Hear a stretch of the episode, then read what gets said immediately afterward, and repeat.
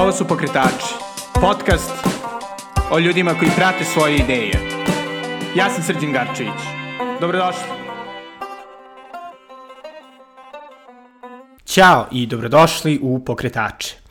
Današnja gošća je Ljubica Milutinović, pokretačica Niti, fantastičnog studija koji meša tradicionalno i savremeno da stvori prelepe, ručno rađene ćilime, ćebad i čarape od domaće vune. Sa Ljubicom sam pričao o tome kako je kao arhitekta odlučila da pokrene ovakav projekat, o njenim naporima da okupi sjajne tkalje širom Srbije i konačno o tome koje su sve stvarne prepreke u uvođenju naše tradicije u savremeno doba i na savremeno tržište. Međutim, pre nego što čujete divnu priču o nitima, moram da tradicionalno prosim za vaše donacije za pokretače i moj blog The Natural Times – Svaki dinar bi mi izrazito puno značio da pokrijem troškove produkcije, hostinga i reklamiranja e, i zato ukoliko želite da pomognete, bio bih vam izuzetno zahvalan ako biste posetili moj profil na Patreonu na adresi patreon.com kosacrta Belgrade. A sada uživajte u ljubicinoj priči o nastanku niti. Imali si fantastičan intervju u Milici, gde si ovaj pomenula kako je jedna od prvih stvari koje su te vezale za tkanje, ovaj, zapravo porodična, to jest tvoja ovaj, baka. Uh, jeste. Baka će postati popularna. Vrlo, da, da, da, da. Baka je vrlo ponosna, što je pominjem. Uh, pa jeste, baka je, mislim, tkala, uh, ono, baka je domaćica, mislim, već ima 92 godine. Wow. Uh, da, uh, i dalje plete, verovali ili ne. E, tako da nam je nekako kuća uvek bila puna, mislim, tih proizvoda. I meni je, kad sam bila mala, kad je ona tkala, meni to bilo super zabavno. Ja sednem pored i onda ja kao dodajem boju ili nešto. Ili onda meni kao pokazuje kako se to radi. I to je tako bilo nekako u mom detismu, da to radi ceo život nešto ili plete ili tka, sad kako je starije, mislim, više plete. I onda, ne znam, mislim, nije da sam nešto razmišljala o tome dok sam bila kao u gimnaziji ili posle na faksu i onda se kao i bavila arhitekturom. I posle u nekom periodu, e, ne znam, mislim da imala mal, mali imala i to kao, ne znam, ti dugi sati rada u birovu, ne tako neke velike uh, plate i ja sam bila kao, pa ako radim toliko sama, mislim, mogla bih verovatno nešto i uh, i kao bar toliko ili više da zaradim. I onda mi to nekako postalo blisko, jer sam radila interijere i ne znam ni uopšte nikako sam počela da razmišljam, ali mi uvek je bilo to kao, aha, ne znam, mi kao koristimo neki bakin čilim i kao, pa više bi nam se slagalo da ovo, na primjer, nema ili da kao ima neka druga boja. I onda sam ja kao, pa da, možda bi mogla da probam, da nađem to. A s druge strane, onda je bila kao moj tati iz Dragačeva i tamo je ranije postojala velika a, zadruga, udruženje žena I bile, ne znam, i svi neki rođake, tatine su radile tamo davno i ja sam bila sigurno kao naći ćemo tamo neku tkalju pa kao da probamo, pošto kao to jeste uh, zanat koji izumire, ali nisam čak ni bila svesna do koje mere zaista to izumire. I tako sam ja nekako krenula, ne znam, možda krajem 2015. više ono da čitam o tkanju, kao da se malo još, uh, da se još malo ko informišem. Uh, pa onda sam krenula da pravim neke ručne skice ćilima, pa svakako mi je super bilo to što sam poznala tehniku, zato što ni, ne može baš sve da se izvede u tkanju, što kao vi zamislite, pa postoje neka pravila tkanja koja prosto mora uh, ti imati, mislim ja moram da imam na umu kad dizajniram, da bi prosto žene to znale da, uh, da urade. I tako to nekako krenulo, ono malo, da. pomalo. A jel si ti ikada sama tkala? Uh, pa ja jesam tako s bakom, mislim ja znam i sad isto imam dva razboja, tako da sam ja iskala isto pa neki ono ćebad i nešto ili tako nekad kad hoću da probam neke kombinacije boja. Ono što meni isto bilo, uh, mislim isto novo, s obzirom da ja nisam uh, izvorno dizajner tekstila ili da sam se bavila kao time, kako prosto neka stvar koju ja nacrtam, koju na skici izgleda super, pa kao u tkanju posle pa ne izgleda toliko, mislim dobro, zato što prosto drugačije tekstura, drugačije su boje, boje kada vi izaberete, ne, ne znam, izaberete vunu, kad je vidite ovako, ona posle kad je utkane ili u kombinaciji nekih boja, to je zaista nekako totalno drugačiji efekt i onda i to meni bilo puno nekih eksperimenta, mislim i dan danas, i onda zato ja nekad, ne znam, ili imam neki mali ram, pa onda probam nešto da vidim kako će da se uh, slože te boje. da. da, ovaj, malo pre, jeli pre, pre snimanja smo pričali o tome kako arhitektonski fakultet izgleda iz nekog razloga, ovaj, e, stvara ljude koji se bave svime izrazito dobro, od poslastičarstva da. do do dizajna e, tekstila, ovaj, koliko misliš da te je faks pripremio za ovakve neke Pa ja mislim da je nekako arhitektura ipak kao tu glavni aspekt uh, zašto se ja bavim ovime i da mislim da nisam arhitekta, ali da nisam, sumnjam da bi mi to prvo palo na pamet uopšte, a drugo i da bi mogla uopšte celom konceptu da pristupim na način na koji jesam, zato što meni nekako, uh, mislim, arhitektura je prosto takva da mi stalno kao imamo neke projekte, neki koncept, da ti braniš nešto, da kao, zna, zna, smišljaš i na kraju meni je ovo ispalo nekako skroz slično, jer ja kad sam trebala i da promovišem taj proizvod, bio kao neki projekt, ok, kako ću ja sad to da promovišem, da to ljudima bude malo zanimljivije, da to bude uh, drugačije, pa mislim isto tako, ono, samim ti što smo mi, ne znam, sve stvari, ne samo kada su pitanju projekta, ali što god da smo predavali, mi smo to dizajnirali na fakultetu, pa je to nekako svakako pomoć u biznisu i da li, da li radite newsletter ili šaljete, ne znam, račun ili se reklamirate na Instagramu ili šta god, svakako, mislim, puno pomaže da prosto nekako uvek pokušate da držite sve na nekom uh, nivou i da to nekako dizajnerski bude stvarno fino oblikovano, bar mislim koliko je moguće u mom slučaju kad sam jedna osoba za sve. da.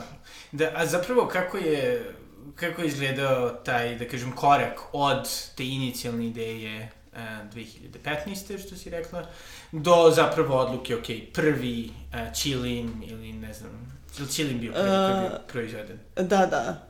Um, pa, u stvari, ja sam 2016. tada radila na nekom gradilištu, onda sam to počela paralelno. Više kao hobi. Nisam odmah krenula da mi niti budu uh, kao posao, full time. Uh, I onda sam... Uh, ne znam, prvo sam napravila puno nekih skicica, to što dok nisam došla do jednog kao, ok, kao to, to je onaj koji dan danas najprodavaniji čili merak, on je faktički prvi urađen, onda sam krenula da tražim tkalje koje bi to znale i koje bi bilo voljne. Mislim, paralelno tražim isto proizvođače vune koji bi, ne znamo, bojili vunu, proizvali i sve to onda se isto to ispostavilo kao onako... Da, kako je, kako je to izgledalo? Kako je izgledalo traženje tkana? Uh, pa Koliko ih uopšte ima? Um, ima ih pet žena ukupno koje rade uh, sa mnom. Uh, pa izgledalo tako da sam ja prvo onako kao školski, jel te, i kao živim ovde, ja sam onda kao počela da pišem udruženjima uh, tkalja, da malo tražim, tako da googlam, pa sam išla kod njih, Uh, I tako se nekako nazvala, ne znam, slala mailove i onda to je bilo da se nekada medici, onda je moja mama bila onako, što kao nema šanse da nađeš tako tkanju, kao, znaš, ko mislim, to su ono se neke bakice po selima, ne znam. I onda smo mi, i u stvari ova tkalja žena koja najbolje radi, mislim, nju je našla moja mama, uh, Uh, I to tako... I gde se nalazi? I ona je u Drgačevu, tamo u jednom selu, kao na Milevica se zove i nju je mama zvala, mi smo kao, aha, tu je tatino selo tu blizu i tu smo kao, aha, tu u tom kraju je bilo tkalja i moja mama uzela imenik da vidi pozivni broj tog sela. I onda je kao random broj prva tri ukucala je kao, aha, dobar dan, da ne znate neku tkalju. I, o, Super. I onda, I onda je bilo kao jedan čovjek je rekao, ja ne znam, ali kao moja bivša žena je bila računovođa u toj zadruzi žena, pa evo vam njen broj. onda je mama zvala nju, da ne znate vi neku tkalju, koja je ova žena je bila najbolja, i onda je smo zvali.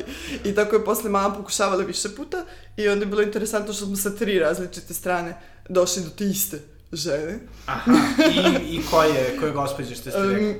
O, Milevica se Milevica, zove, da. da. I onda smo posle otišli kod nje. A, a čime se ona bavila one, dok nije bilo niti? A, pa ona u principu tkanjem se bavi već sigurno jedno 35-40 godina. Um, I ona se bavi, što je super, kontinuirano. Uh, ona je radila u toj zadruzi, bila je tamo kao uh, E, glavni poslovođa tim tkaljama. Što... I oni su, izvini samo, i oni, i te zadruge, pošto ono, ne znam ništa o ovome, su proizvodile šta kao standardne pa oni su imali Stare jako dizajnove. širok, uh, uh, mislim, ono, kao spektar proizvoda. Uh, imali su svašta, čak su imali ono abužure za lampe i zavese. Mislim, ja nemam, uh, t, uh, mislim, toliko uh, proizvoda, ali ih je bilo i stotine tkalja, pa je to bilo uh, moguće tada.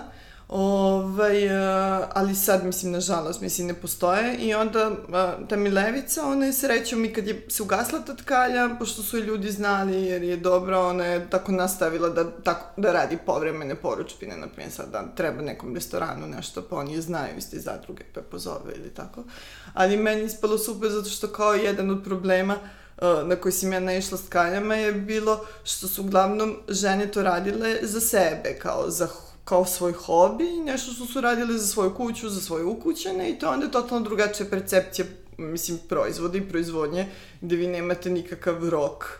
Uh, naravno, ja kad imam kupce, mislim, imam neki rok kada moram da dostavim proizvod, onda to prosto bilo stvar koju sam ja morala njih da učim i dalje da učim, da to mora da stigne do tada. Mislim, uvijek im dam, naravno, neki duži vremenski interval da oni to mogu da urade, pošto su starije gospođe uglavnom ali, ali onda to bilo meni super bar kod nje, što kao je znala šta su rokovi, da, da kupci, da, da ono što naruče moraju da dobiju isto tako, jer mi se dešavalo isto kod, mislim, tako je bilo puno nekih smešnih situacija, da ne znam, ono, radi neka tkalja i onda, ne znam, zafali neka boja, na primjer, nešto, i onda sad uh, uzme samo i promeni i stavi neku drugu i to prosto više nije isti proizvod, jer kao dizajn više nije taj, ono, neko dobije proizvod kao šta ću sad s ovim, pa iz početka.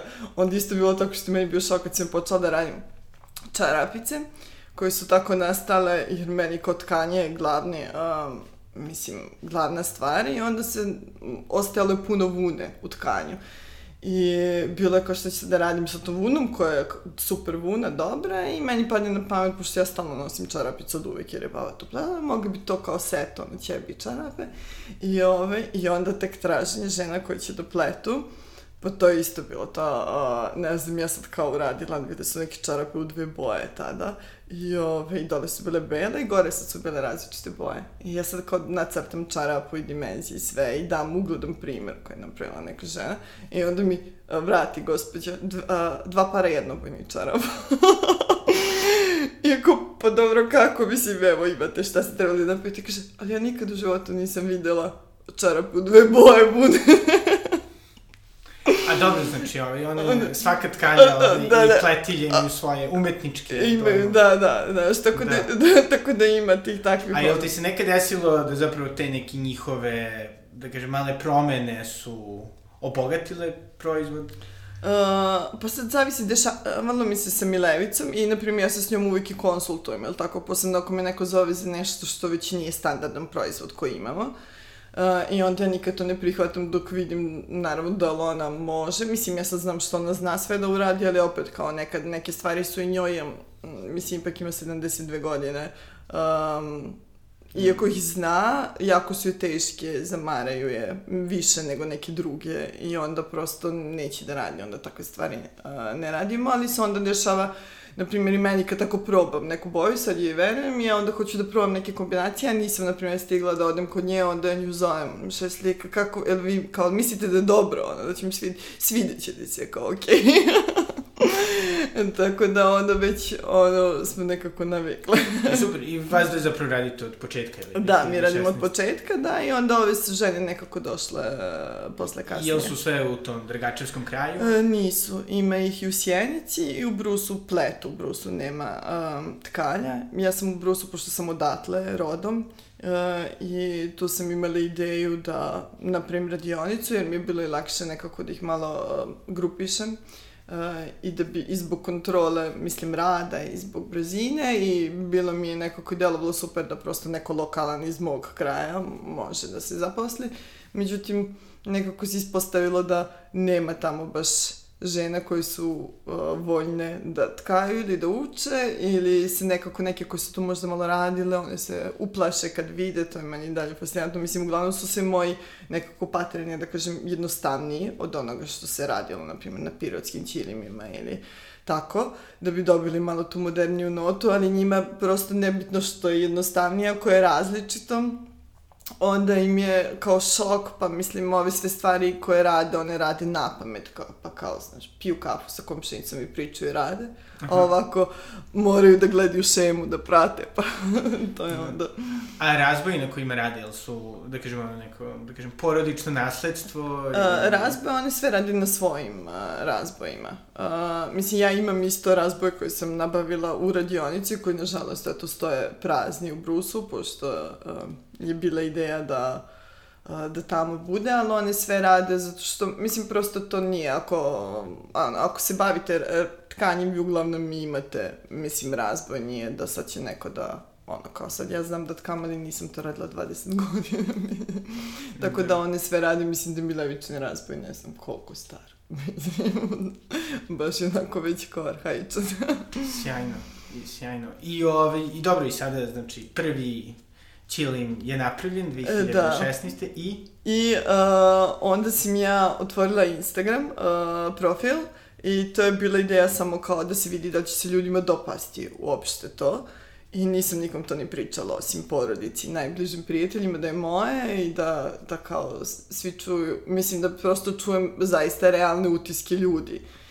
I onda, ne znam, ja sam tu kao fotografisala, onda mi tako bila ideja da malo ok, slikam u interijerima, ali mi onda sam tako, bilo mi je super da malo prikažem i Srbiju, prvo je bila ideja, a onda to počeli kad odem negde ovako, da onda ja nosim proizvode sa sobom, gde god da idem i onda sad kad stoji dan danas tako ja kad se pakujem, prvo pakujem proizvode koje ću da nosim da slikam, pa onda pakujem sebe. I to mislim, mislim da već mojim prijateljima nekim postoji naporno gde god idemo, znaš, ja nosim nešto i onda oni kao slikaju mene ili ja kao hajde, pridruži, hajde ovo da bude, ali mislim da je ispalo super zato što je onda i, i taj Instagram profil postao malo zanimljiviji ljudima da prate, čak i ako ne žele da kupe, da im bude nešto vizualno lepo uh, da gledaju. I onda mi se dešavalo toliko puta da dobijem poruke kao ja, kao ja tako sad želim ono, da se kao ušuškam u ovo ćebe isto ovako ili ne znam, ili mi se desi da kupe ljudi i onda oni, na primjer, posebno ako su inostranstvu, onda oni slikaju pored nekog ono značajnog, ne znam, ono značajne zgrade ili nekog landmarka negde Aha. pa mi pošalju ili tako. Kao, kao da imam, ponos. Da, da. Znaš, i to isto radi, mislim, ono kao i stranci ili mi pošalju iz svojih soba, obavezno. Mislim, ljudi sa decom. Mislim, to mi je tako, to mi je tako super, ja sad kao ne objavljujem naravno sve te slike, mislim, jer oni to šalju meni, nekad kad mi, nekad mi oni pošalju sami možete da objavite. da, mi, da bude, mislim, baš nekako onako slatko, da, ne znam, da, da dele. Ove, ali mi je super zato što nekako već, već imam osjećaj da su već malo nekako ljudi navikli na, kao, um, na taj način prezentacije proizvoda i sad je skoro na nekom uh, profilu negde bi bila neka inostrana firma koja je imala tako neku devojku nešto ogrnutu u šal negde i meni više ljudi poslalo poruku ja, ja sam mislila da ste vi. I rekao, ne mogu da verujem ono. Da. A jel si, recimo ono, kada si razmišljala o toj, da kažem, strategiji, uh, koliko se koliko je to bila strategija uopšte, ove, ili si čitala neke ove, knjige o tome ili gledala neke uzore, neke firme koje slične stvari rade? Pa mislim, ja uvijek istražujem firme koje rade, mislim, e, slične stvari. Uh, mislim, to je nekako, ono, i zanimljivo i nekako terate da budeš i bolji i da pratiš malo konkurenciju, iako, na primjer, u Srbiji baš i nema ljudi koji uh, rade na taj način toliko, ali, mislim, u inostranstvu ima, tako da sam, ne znam, ja sam ono kao čitala, išla sam i na neke razne i biznise, radionice. Um, Jel su bile neke koje su baš bile korisne? Uh, pa bilo je, bila sam uh, nekad baš 2016. to kad je bio sam početak, onda sam bila u nekoj kao startup školi uh, u Italiji, uh, dva i po meseca. Uh, tako da to je bilo, i, i to je bilo kao za startupove koji su vezane za uh, kulturu generalno. I onda, pošto je kao deo kulturnog, mislim, ono, nasledđe Srbije, onda mi je to bilo u suštini super. Mislim, to je bilo jako onako opšino, pošto je bilo dva i po meseca. Mislim, pomogla mi, ja sam isto i pre ovoga završila i neke specialističke studije na fonu iz managementa, tako da mislim da mi i to nekako malo uh, pomoglo u biznisu. I onda je bilo, ne znam, ja nekako sam imala osjećaj uh, kad sam krenula, to sam nekako, ono, ko su ljudi koji bi to, mislim, kupili. Ne? I, I zaista se nekako ispostavilo da su, tak, da su takvi kupci, što je meni strava i svaki put mi se desi, pošto ja nemam o, radnju, nego samo je online prodaja i nekad kad neko hoće nešto više ili baš insistira, i ako sam ja u Beogradu, onda oni kao da pogledaju, pa se mi nađemo ili dođe kod mene na kafu i svaki, i svaki put, ili na sam kod svaki put kada sam upoznala nekog kupca, mi smo se onda kao ispričali s nekima se sad i družim. Jer mi, tačno nekako se valjda uh, taj senzibilitet oseti i ljudi koji misle da je to vredno, što zbog, ne znam, kulturnog nasljeđa, što zbog dizajna, što zbog cijelog koncepta, da je to nekako lokalno, zbog prezentacije.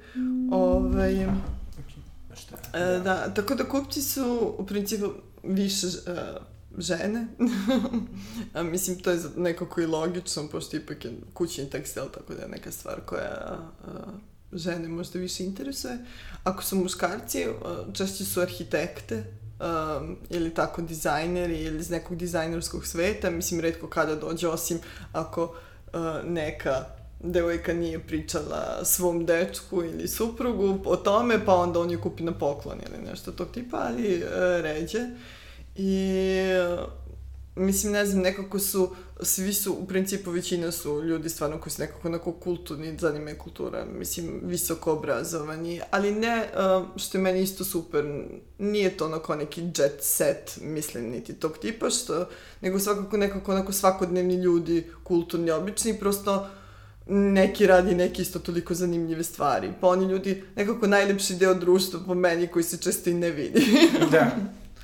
Da, mislim, i dosta je zanimljivo, pošto meni makar deluje kao donekle outsideru, ovaj, da u proteklih par godina postoji ta neka, da kažem, renesansa, uh, ovaj, ne samo kao craft proizvoda, već i baš te one tradicionalne radinosti, što kod nas, što čak u regionu, mislim, eto, zanat. Da, da. Vrlo dobro. Jel, jel se tebi čini da jednostavno postoji ta neka veća svest o Pa čini mi se da to sve više više. Ja, ba, ja čak i kad sam kretala, to nije baš bilo tako. Ipak je to bilo ono, kad sam ja razmišljala 2015. 16. sad je već to četiri godine pune. Ali e, mnogo je velika razlika sada, e, čini mi se i tada, u tome i nekako se um, isto više priča, mislim, i o zanatima, ne samo o zanatima uopšte, ono, kao o, o prirodnim materijalima. Mislim, ja isto o, koristim isključivo vunu, bez ikakve... I to lokalnu da, I to lokalnu vunu, da, zato što mi je bilo... Prosto mi nije imalo smisla da ja sad kao uvozim vunu od nekud, a kao pokušam do nekle da sačuvam zanat koji je tradicionalni. I nekako mi ideja zaista bila da prosto to postane neki srpski mikro brand, mislim, ali zaista nekako modern srpski brand. Uh, I, ovaj, I sada mi se čini da ima nekako sve više, ne, dalje, dalje je to sad u pitanju moda Nike. Mislim, zanat je već nekako sad high level um, u Bosni i oni to stvarno rade uh, po meni fenomenalno, ali ima nekako i kod nas sve više i onda mislim da i ljudi su isto, što je super, uh, sve više čuju, pa onda imaju i veću želju da kupe taj proizvod. Mislim, vrlo često su ti proizvodi uh, i skuplji, uglavnom naravno, nego što je nešto ako vi nabavite i, iz Kine i što je masovna proizvodnja i posebno što je, ma, on, što je mašinska proizvodnja i onda zaista treba taj neko ko kupuje da vidi neku dodatnu vrednost u tome, da mu znači da to što kupuje je radio ne, je, na primjer, nebitno dalje lokalno, da je ručno, da to prosto i ne zagađuje sredinu i sve i sad nekako, mislim da zaista baš kreće taj trend, da će verovatno biti još više i valjda su i ljudi uh, m, pošto i više se kreću i toliko putuju, nekako postali, uh, ne znam, zamoreni od toga da vide svaki put sve isto gde god odputuju. Mislim, ranije ono bilo mi ja kad sam bila mala, pa ono još nismo ni tako nešto išli, meni je to bilo tako fenomenalno kad čuš da je neko nešto donu od nekud što ovde ne postoji, nebitno dalje sa toga garderobe ili nešto za kuću ili ne. E onda sad vi dođete, odete pa svuda imate iste radnje i nekad i kad nema tih istih ovih malih, kao što sam ja teže doći, mislim, do njih. Ja isto imam taj problem što meni u principu moje proizvode ako kupuju stranci, to su stranci koji su ili pratioci na Instagramu ili su stranci koji žive u Srbiji, ne turisti, zato što oni ako dođu na tri dana, ja nemam radnju u centru Beograda, oni nažalost ne mogu da dođu do mene, mislim, a, morali bi da se kao pripremi da googlaju napred, redko ko to radi, mislim, kada dođe da. na dva, tri dana ili tako. Da. Poslova. A jel si razmišljala da, da otvoriš ono, stvarno mislim ono radi, da, da. stvarno sve. stvar, pa meni bi to bio neki kao ono cilj malo uh, uh, dalji, mislim, možda ne dalji, mislim glavni problem u stvari kod toga je uh, meni proizvodnja, zato što uh, nekako kada, kada su meni sve žene koje rade, mislim žene starije u godinama, mislim nije baš tako uh, lako oslanjati se na to u smislu da ja sad kao investiram u, u otvaranje radnje i u lokal, a onda prosto može da se desi da neka žena više ne može, mislim, da ne znam, da. da radi zbog zdravlja ili već iz bilo kog razloga. I onda nekako sve onda kao pokušavam tako malim koracima da da prvo proširim tu proizvodnju koliko je moguće ili da nekako, ne znam, e, ideja mi je isto bila da već dugo da ja nađem neke mlađe koje bi se obučavale, ali to se isto nekako paradoksalno desi da meni, na primjer, stižu poruke od devojaka iz Beograda, na primjer, koje bi učile, jer im je to sad super zabavno i možda i cool i, i zanima ih uh, iz onako više razloga, a onda, na primjer, meni bi više odgovaralo da ja učim nekog uh, mlađeg koji je tamo gde se moje tkalje već nalaze, zato što je jako teško da ja sada dovedem neku tkalju koja ima, ne znam, možda i poljoprivredu i ženi u godinama, da ona dođe u Beograd da to bude dva meseca da nekog uh, obučava ovde.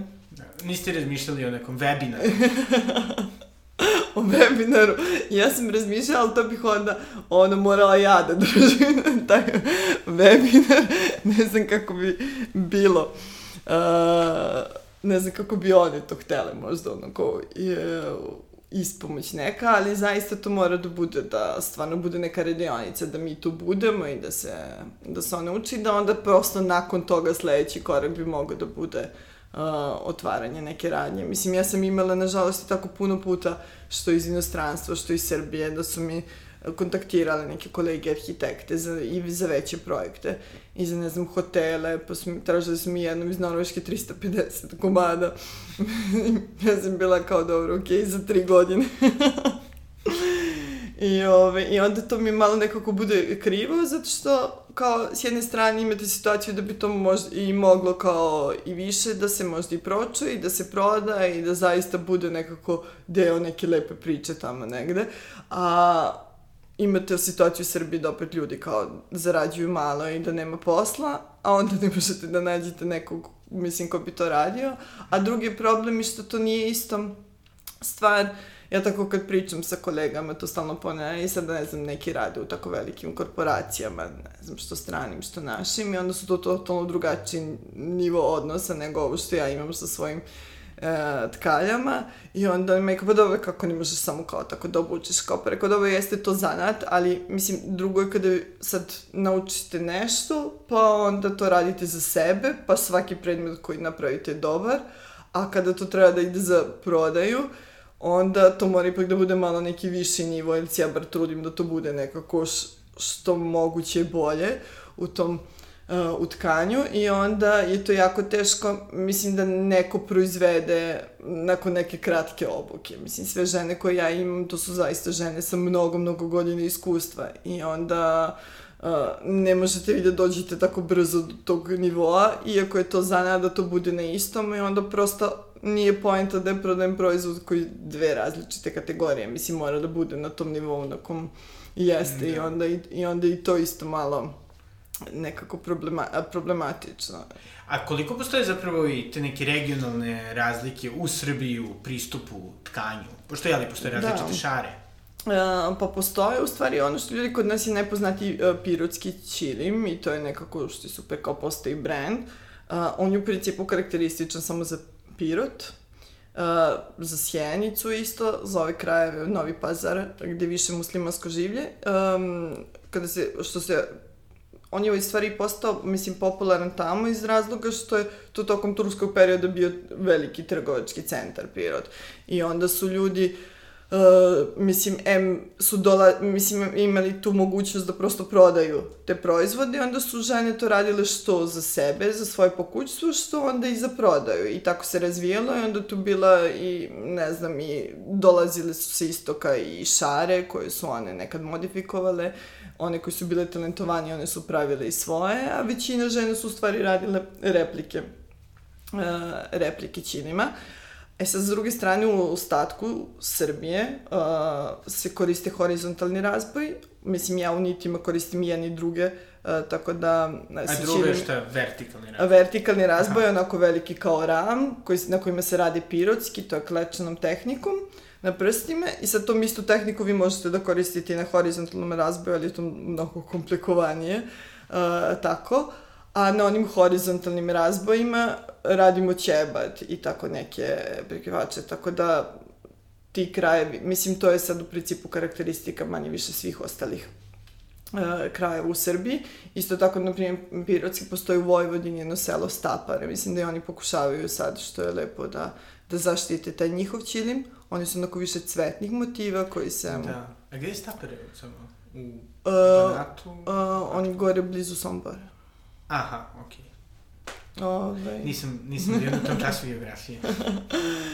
um, tako da da je to lepo i sad, mislim, i šare su isto, mislim, i šare su u tom smislu nekako drugačije, prvo zato što na horizontalnim, uh, svi koji su rađeni na horizontalnim razvojem, mnogo je uh, teže tu postići toliku kompleksnost šara, zato što vi radite na red po red Dok kod vertikalnih vi možete da završite malta ne skoro do kraja jednu stranu pa da onda idete i onda je to nekako lakše posebno ako se ponavljaju šare da žene mogu da radi i mogu uh, mislim i na jednim i na drugim ako su veći da radi više žena paralelno.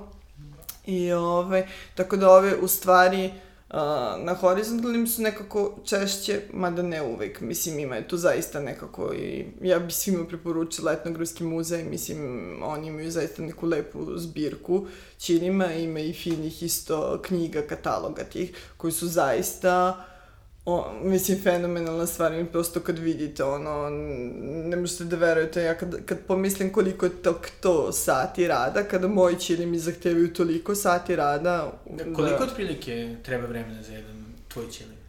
Uh, pa sad zavisi, oni nisu svi isti od kompleksnosti uh, šare, ali u principu to je sigurno... Ali bestseller, Be, uh, pa za njega, na primjer, za, uh, treba sigurno neki dve, tri nedelje po kvadratu. Wow. Dve nedelje. Tako da... Sve sa divnom zlatiborskom vunom. A, za njih iz Pirotska, za Čilime, da. A Čebad je, zato što to je drugačiji tip vune, tako da ovo sa Zlatibora je malo mekanija i ona se koristi za Čebad i za šeleva. Ovce. Mislim, različiti vrste ovaca? I... Pa mislim, možda, ali i različite vrste obrade, obrade. vuna A, isto. I jedno i drugo. Mm, tako da... Ni na tehničkom nisam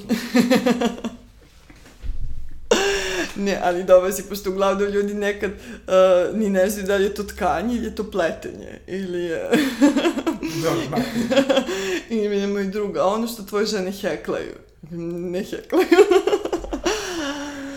Subtilni razlike. Da, da. A postoji uopšte trenutno ono, škole i mesta gde, gde ljudi mogu da uče mislim, tkanje, konkretno. Pa mislim da postoje neke tako uh, radionici, ima ih i u Beogradu, ima, mislim, čak i u okviru etnografskog muzeja da su oni imali u Manakovoj kući um, ne, neke radionice, ne znam da je to i dalje baš aktualno. Mislim da i u Pirotu ima neko udruženje koje sad možda obučava njih, ali mislim sve to nekako jako malo. Da. Mislim da bi se to zaista da bi se to zaista nekako očuvalo po meni. Mislim, prvo, to je zato sam i ja prišla tome na taj način, da mislim da nije lepo proizvoditi replike, to ima neku svoju svrhu, mislim, okej, ali po meni nekako nema smisla uh, raditi samo to, zato što vi, ako gledate, ne znam, čak i taj pirotski činim u 17. 18. od 17. veka možete već da ga, ono, pratite. Mislim, razlikuju se šare, razlikuju se boje. Mislim, u 20. veku ima više boja nego što je bilo u 18. veku i onda i taj činim drugačiji, drugačiji su prosto nijanse, više šara neki došlo i onda meni isto bilo kao, ne razumijem zašto onda bi Čilim u 21. veku bio identičan uh, onom iz 19. Da. jer prosto interijer nije današnji takav, ukus kupaca nije mm, prosto takav, a mislim da zaista način da se održi tkanje je da tkane stvari postanu neka potreba koju ljudi kupuju. Da ne bude to da to služi samo za diplomatske poklone, uh, kao nešto što je autentično iz Srbije, nego da prosto ljudi umesto što će kupiti neki sintetički tepih ili negde, se odluče da kupe tepih koji je vuneni, jer to može biti i tepih čupavi, to je isto neka vrsta ćilima, ne samo ove.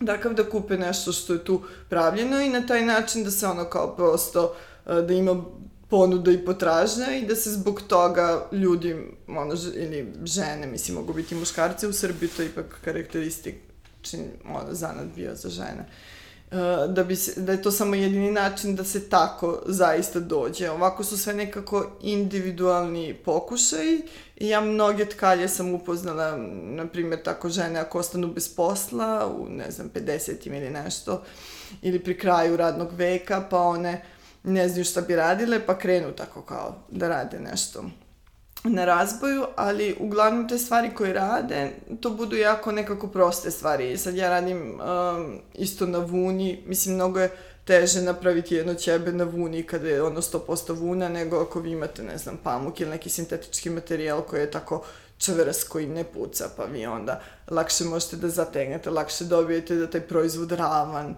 mislim to ono ko sad ne zna tehniku tkanja, ali uh, onda je lakše napraviti stvar koja je mala uzana uh, nego veliko ćebe i da ono bude ravno i da bude ono prav, pravugaonik, da tako kažem. Da. Mislim, uh, to, to su sve stvari koje zaista se nekako uče i zahtevaju, zahtevaju da prosto osoba bude, ne znam, i pažljiva i posvećena i mislim, svemu tome, tako da mislim da, da. zaista nekako trebalo bi, mislim, ovi napori moji i tako pojedinih, mislim da su ipak um, mali da bi zaista se to osetilo da su u Srbiji tkanje nekako sačuva, da bi to trebalo sistematski da se malo razvije, radi, da, da se razvija ili na nekom društvenom nivou, da zaista postoji. Naprimjer, ja kad sam bila u Sloveniji, tamo oni imaju u jednom gradu Idrija, kao idrijsku čipku, i oni su to čak stavili pod zaštitom UNESCO-a, I, na primjer, čak i oni imaju problem sa tim, pošto nema puno žena, ali, na primjer, oni u školi osnovnoj, u tom gradu, sve devojčice prođu i dečaci kroz, uh, bar kroz neki mini kurs. Mislim da se zainteresuju za to i onda opet zbog toga kad je, kad je vama to nekako poznato, pod velikog broja dece nekog će možda zanimati ili nešto. Pa nekako ipak se da, malo... Postoji svest, da. Da, postoji ta svest da je to bitno I to je i, ja, i jako su nekako ponosni na to. I vi kad odete tamo, to vam je svuda, em, vidite u gradu, em, vam svi pričaju o tome. Uh, što je meni isto super, što na primjer uh, se ja trudim da radim kod nas ovde sa, uh, kao sa nitima, ali da mislim da nekako su i ljudi zaista srećni i zadovoljni mestom gde žive ukoliko vrednuju neke svoje vrednosti. Ako vi mislite da u Srbiji ima toliko super stvari, što ih ima, samo ih uglavnom ljudi ne primećuju, da ćete i vi nekako biti zadovoljni i nećete imati potrebu toliko zato što kao vam je fokus, pa gledaj kako ima, ne znam, malo mi super je priroda, ima i neke istorije i tradicije i fine i finih ljudi. Mislim, mnogo nekih dobrih stvari uh, i da nekako treba malo to potencirati i učiti decu. Mislim, najbitnije učiti decu malu tome da bi oni bili svesni toga i svesni svoje vrednosti i ostalom, mislim, to je ono, ja uvek kažem kako možete vi da vrednujete nekog drugog ako da bi i sebe ne vrednujete. To je to kao i na ličnom nivou, isto tako i na širem, i na da. nacionalnom, da. Svakako, svakako. Jel si pretpostavljamo u svom ovaj, vrlo uzbuljivoj potrezi za tkaljama po celoj Srbiji. Jel si ovaj, videla neke zanimljive predele ili čula za neke zanimljive običaje? To isto bio zanimljiv aspekt. Pa jest, mislim, moram priznati da sam ono kao obišla dosta veliki deo Srbije, zahvaljujući tome, što mi je super. I onda mi isto, ono, kao svaki put kad odem, negdje čak i ako ne idem sa tim cijene, ja gde god dođem, znaš, ja onda uvek obavezno odim do muzeja, obavezno pitam tu okolo, ali, vi imate ovde neku tkanju, jel znate možda ne? nekog i I onda... Lepiš ove, po banderama, tamo pored umrlice, u centru sela, znaš kao Ne, tamo. ali to bi bila dobra ideja, zato Eto, što... jer bi verovatno tako videle. da možda bi trebalo da ono, uh, neki lokalni radio ili ne, Apsolutno, da. da iskoristim za to, ali meni isto stvarno je s jedne strane jako veliki problem već sada što ja imam, što sam ja na relaciji Beograd, uh, pa sve ova ostala mesta, najviše Brus, i onda, mislim, koordinirati to gde... Da, a kako to, kako to uspevaš? Pogotovo zato što se radi, kao što si rekla, o ipak ženama koje su u godinama, koje su navikli na neki drugačiji pristup. Pa puno mi pomaže uh, i porodica, mm, otac i majka, tako da onda nekad kad ja ne mogu, oni se, tata se odveze pa on pokupi proizvode ili im odveze vunu, nešto šaljem ovako, mislim ja idem koliko mogu. Mislim kad se radi nešto novo, uglavnom ja odem, kad je neka stvar koju već se već, evo par godina radi, isto oni već i znaju. E, tako da koordinišemo, ali svakako je nekako i vremenski zahtevno, što u smislu putovanja, ne samo putovanja, to je ono i u smislu telefonskih razgovora, mislim, koordinacije svega toga, u ostalom i cene e, svega toga, zato što to isto poskupi jako ceo proces, tako da to meni nekad Uh, mislim, sad se dešavalo kada su bili neke uh, članci o nitima i onda sam ja tako dobila poruke, pa onda dobijem pa da, kao neko hoće da plete, ali taj neko u Subotici, mislim. Na da, a meni sad kao s jedne strane kao super, ali prosto ne, ne mogu to još kao da ubacim toliko daleki kraj za neki proizvod gde ja moram da šaljem i vunu i sirovinu i šeme i da, uh, i da idem i to onda nekako zaista na ovom nivou, kad je to ipak mala neka firma i mikrobrand, uh, bolje bi bilo da se to malo centralizuje nego da se tako Da. uh, više širi. Da, da. Pa dobro štete zato što i u Beogradu ne postoji ta neka tkač, akademija za tkalje ili Da, tkače. da. Slučaju. da, možda bi trebalo da ono organizujem uh, neki ili neke ono antistres radionice. E pa zapravo da, da si razmišljala recimo, i, dobro, ovo je sada, ono, razmišljanje, o, to skroz abstraktno, da recimo napraviš neki ono, letnji kurs u Brusu na tim razvojima koji si uzela za... Uh, pa ja jesam, ali meni, uh, mislim, ja uvijek o tome kao razmišljam, čak sam razmišljala i tamo u radionici isto to i da snimam male neki video, tutoriale i jednom sam tako pitala i masa ljudi mi je to i pisalo i ono i neki iz inostranstva kako bi to kao gledali i, i super, ali meni nekako se nalazim uvek u tom uh, kao neko raskoraku, jer većina tih stvari um, ja radim, a nivo proizvodnje i dalje takav da ja sad ne mogu da zaposlim još tri osobe koje bi sad neka se bavila radionicom, neka Da, se da. bavila nekim drugim, a da se ja bavim dizajnom. Uh, I onda to meni, na primer, uh, taj letnji period uglavnom služi da napravim neki stok za zimu, da bih imala, mislim, većina mojih proizvoda se radi po poručbini, ali nešto što su već sad postale kao neke basic, um, ja uvek imam na stanju i kada neko hoće da kupi ili mu treba brže za poklon ili nešto, onda sad sam počela i da izlazim na sajam nameštaja, Gde smo se upoznali? Da. Tako da to isto je nekako veliki poduhvat uh, za mene, zato što uvijek treba imati neki novi proizvod, imati masu proizvoda i organizovati i taj štan da izgleda fino i sve to. I onda taj cijel period, august, septembar, oktobar najviše služi sajmu i onda se uđe ovaj period zime kada je kao, pošto su unjeni proizvodi u stvari sezona. I onda nekako meni taj malo zatiše u tog nekog proleća leta služi ili da nešto malo dizajniram ili da tako ja mogu da odem na odmor. A, da, da. I, ovaj, I onda je u tom smislu to malo. Mislim, sve to ja kao imam u planu, samo U nekom trenutku. u nekom trenutku Nadam nadam se. da će se Da, da ćemo moći da odemo na kopalnik, da spustimo do Brusa i provedemo nedelju dana. Da, ali mislim to bi bilo nekako meni stvarno super uh, kao ideja i mislim i zaista mi je grota, mislim i ne samo u krajnjem i tog ulaganja u tu radionicu. I da to stoji tako nekako prazno, a da s druge strane nekako uh, dođemo u situaciju i propuštam prilike uh, veće, pa tako je. Pa, da, da. Eto, ovaj, ponovo, ponovo apel svim slušalcima iz Brusa i kraja, ako želite da naučite da tkate, da. ako ste iskusne tkalje. Ili, ili ako ili nisu tkači. iz Brusa, ako imaju mamu, babu, tetku. Tačno. apsolutno, apsolutno. Super. I šta bi rekla ovaj, da je nekako najbolja stvar u tvom poslu? Najbolja stvar? Uh, teško Zato što ih ima toliko puno, ne? Pa da, da, zato što ima toliko puno, zato što ima malo.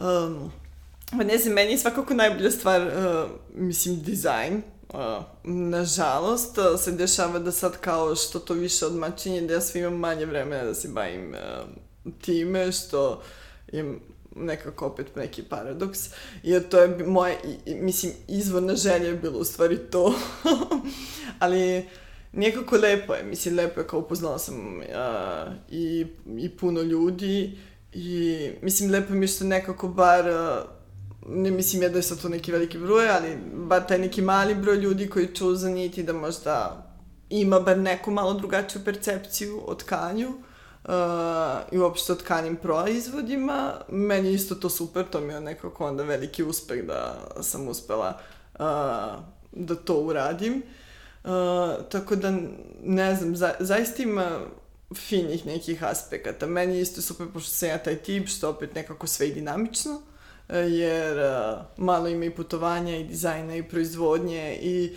i dalje mi je kao osjećam se i dan danas kad je kao prvi proizvod, kad je bio urađen, kako sam se osjećala, mislim, ja se i dan osjećam kad treba da radim neki novi, uh, kad ga vidim kao da ono, prvi put uh, se dešava, čak i kad mi neko poruči, ja se ono kao radujem isto, kao kad je prva poručbina bila pa kao kad su mi pitali jel može ovo da se kupi, ja sam kao, pa ono kao može, ali ja...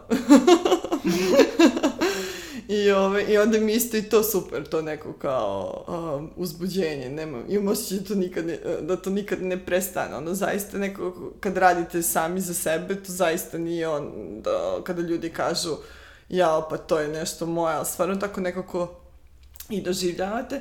S druge strane je dosta veliki stres, zato što uh, trebam ja i sebi da bezbedim neku egzistenciju, treba da platim uh, uh, i te žene koje rade. Mislim, ja tako kako pro, prodajem individualnim kupcima zbog tog kapaciteta proizvodnje, mislim, nikad ne znam koliko će biti poručbina i da li će biti, da li će biti dovoljno. I onda to neka stvar koju, koju non stop mislite, ali to je valjda tako kad radi sam za sebe, nema ono vikend pa sad kao ne razmišljam o tome, nego uvek nekako tu na pametim. Ali dobro, mislim da je to onda nekako stvar koja te koja opet tera da budeš bolji, jer ja gde god idem, mislim ja sve nekako doživljam, nebitno da li je izložba ili nešto, to doživljam kao uh, ono priliku za inspiraciju. za, da. kao ha, ovo bi moglo, kao bi moglo da bude super kombinacija boje za ćepe ili tako nešto. Bitno. Da. Tako da, i, zaista ima, neko, ima puno finih aspekata, ne znam šta bih Što bih Što bih rekla, da. Što bih rekla. Pa super. I ove, ili postoji nešto što bi savjetovala nekome ko bi hteo da, da, da kažemo, ove, taj neki tradicionalni zanat pretoči u biznis? Um, mislim svakako treba da, uh, mislim treba da, da ima opet neku viziju šta želi i mislim da je isto bitno znati kome želite to da prodate, zato što nije isto ako, mislim nije isti pristup ako vi on, da li imate radnju, da li radite to online, na, na koji način. Uh, mislim da isto što sam ja imala neki pa nekad je ono stvarno postoji u biznesu bolje da je urađeno nego da je savršeno. ja na primjer sam imala i dan danas nekako imam problem sa tim da um, da bilo šta izbacim dok ne mislim da je kao super. I neke stvari sam mnogi propustila a, tako, zato što ne znam, čekajući, ja sam pravila sajt koliko da to bude ne znam kako, pa sam onda na kraju shvatila pa bolje da ga pokrenem, pa uvek mogu da ga, uh, svakako se to stvari koje se menjaju, koje se napređuju da nekako budu, da prosto rade i da budu samo uh, uporni, da ona se ne odustaje zato što to nije... No. Jel si ti imala nekada neki trenutak koji na forum? Kraj. Ne mogu. Pa imam, imam to nekad i sad. Mislim, zato što nekad mi bude kao, jo, sad ću da se zaposlim u biro. zato što bude stvarno nekad i neki perioda kada uh, ipak je to ručni rad i dešavaju se greške, što je normalno. Uh, te greške su jako skupe uh, u proizvodu koji sam po sebi skupo napraviti i onda kada vi to radite, pa, pa se to nešto ponavlja, pa ne znam još ako, ako što se to desi u nekom low seasonu, mislim, zavisi za to puno kao nekog faktora, ima, uh, pa onda uvijek imate, ne znam, ono kao kao kad ste mala radnja preduzetnik i puno neke administracije ovog i onoga. Mislim, vidio nekih stvari i onda meni ponekad bude stvarno jao, pa šta mi je trebalo ovo. I šta te vrati? Pa uglavnom me vrati to, uh, uglavnom me kupci vrate nekako desi mi se, skoro sam imala tako neki nešto stres i ja kao, ja, ma šta se ja bavim ovime, znaš, trebala sam lepo kao arhitekta i, ove, i onda tako dobijem od nekog koji je primio proizvod, pa onda stvarno dobijem tako neke super poruke, meni onda bude malo neprijatno da sad to kao nešto delim na mrežama, da, da, mi kao da se, da se hvalim više to nekako kao za, za moju dušu i za mene, ali onda mi tako pošalju ljudi super poruke, pa nekako preporuče, pa mi pošalju, ne znam, fotografije i onda mi bude kao, ono, pa kako se da prestanem? kad, da. kad ovako vidim i onda zaj, i zaista to meni bude uh, mali nestvarno, ono da, koliko god da je to nekako mikro, na tom mikrom nivou, da ono, kao dobijem fotografiju, sad je tu moj čilim u nečem interijeru, kao to sam ja smislila, kao wow. Fantastično. Hvala puno, Ljubici, ali imaš nešto što bih htjela da dodaš? Uh, pa ne znam, mislim da smo pomenuli. Jel postoje, jel postoje ovaj, novi dizajnovi koji izlaze uskoro, niti? Uh, pa mislim, postoje. Uh, imala sam neku ideju, sam ali kao da ne pričam. Ja to mi isto ideja kao da napravim neku izložbu um, proizvoda, tako da ne znam, hoću tu uspeti ove godine, ali se nadam bar sledeće. Držimo palčeve. Da, držimo palčeve, tako da će onda za to raditi neku ono, kolekciju novu. I to je bila Ljubica Milutinović iz Niti.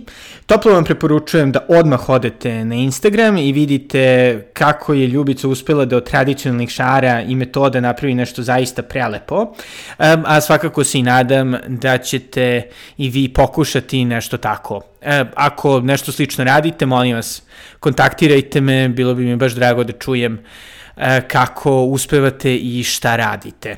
Za kraj e, želim da zahvalim svojim sjajnim mecenama sa Patreona i Paypala. Hvala vam svima na kontinuiranoj podršci koja je sada već preko godinu dana. E, prvi ovaj, podržavaoci i mecene su bili Felix van Litzenburg, Alex Debiževi, Nadežda Drmićanin, Ana Janošev, Mladen Jovanović i Jesse Hronešova koji već više od godinu jeli, uporno doniraju i rade da ovaj mali projekat uspe i raste. Svi ostali, ako ste zainteresovani da pomognete, ukoliko mislite da ovo što radim ima smisla, eh, možete pomoći na adresi patreon.com kosacrta Belgrade. Do sledećeg slušanja, doviđenja.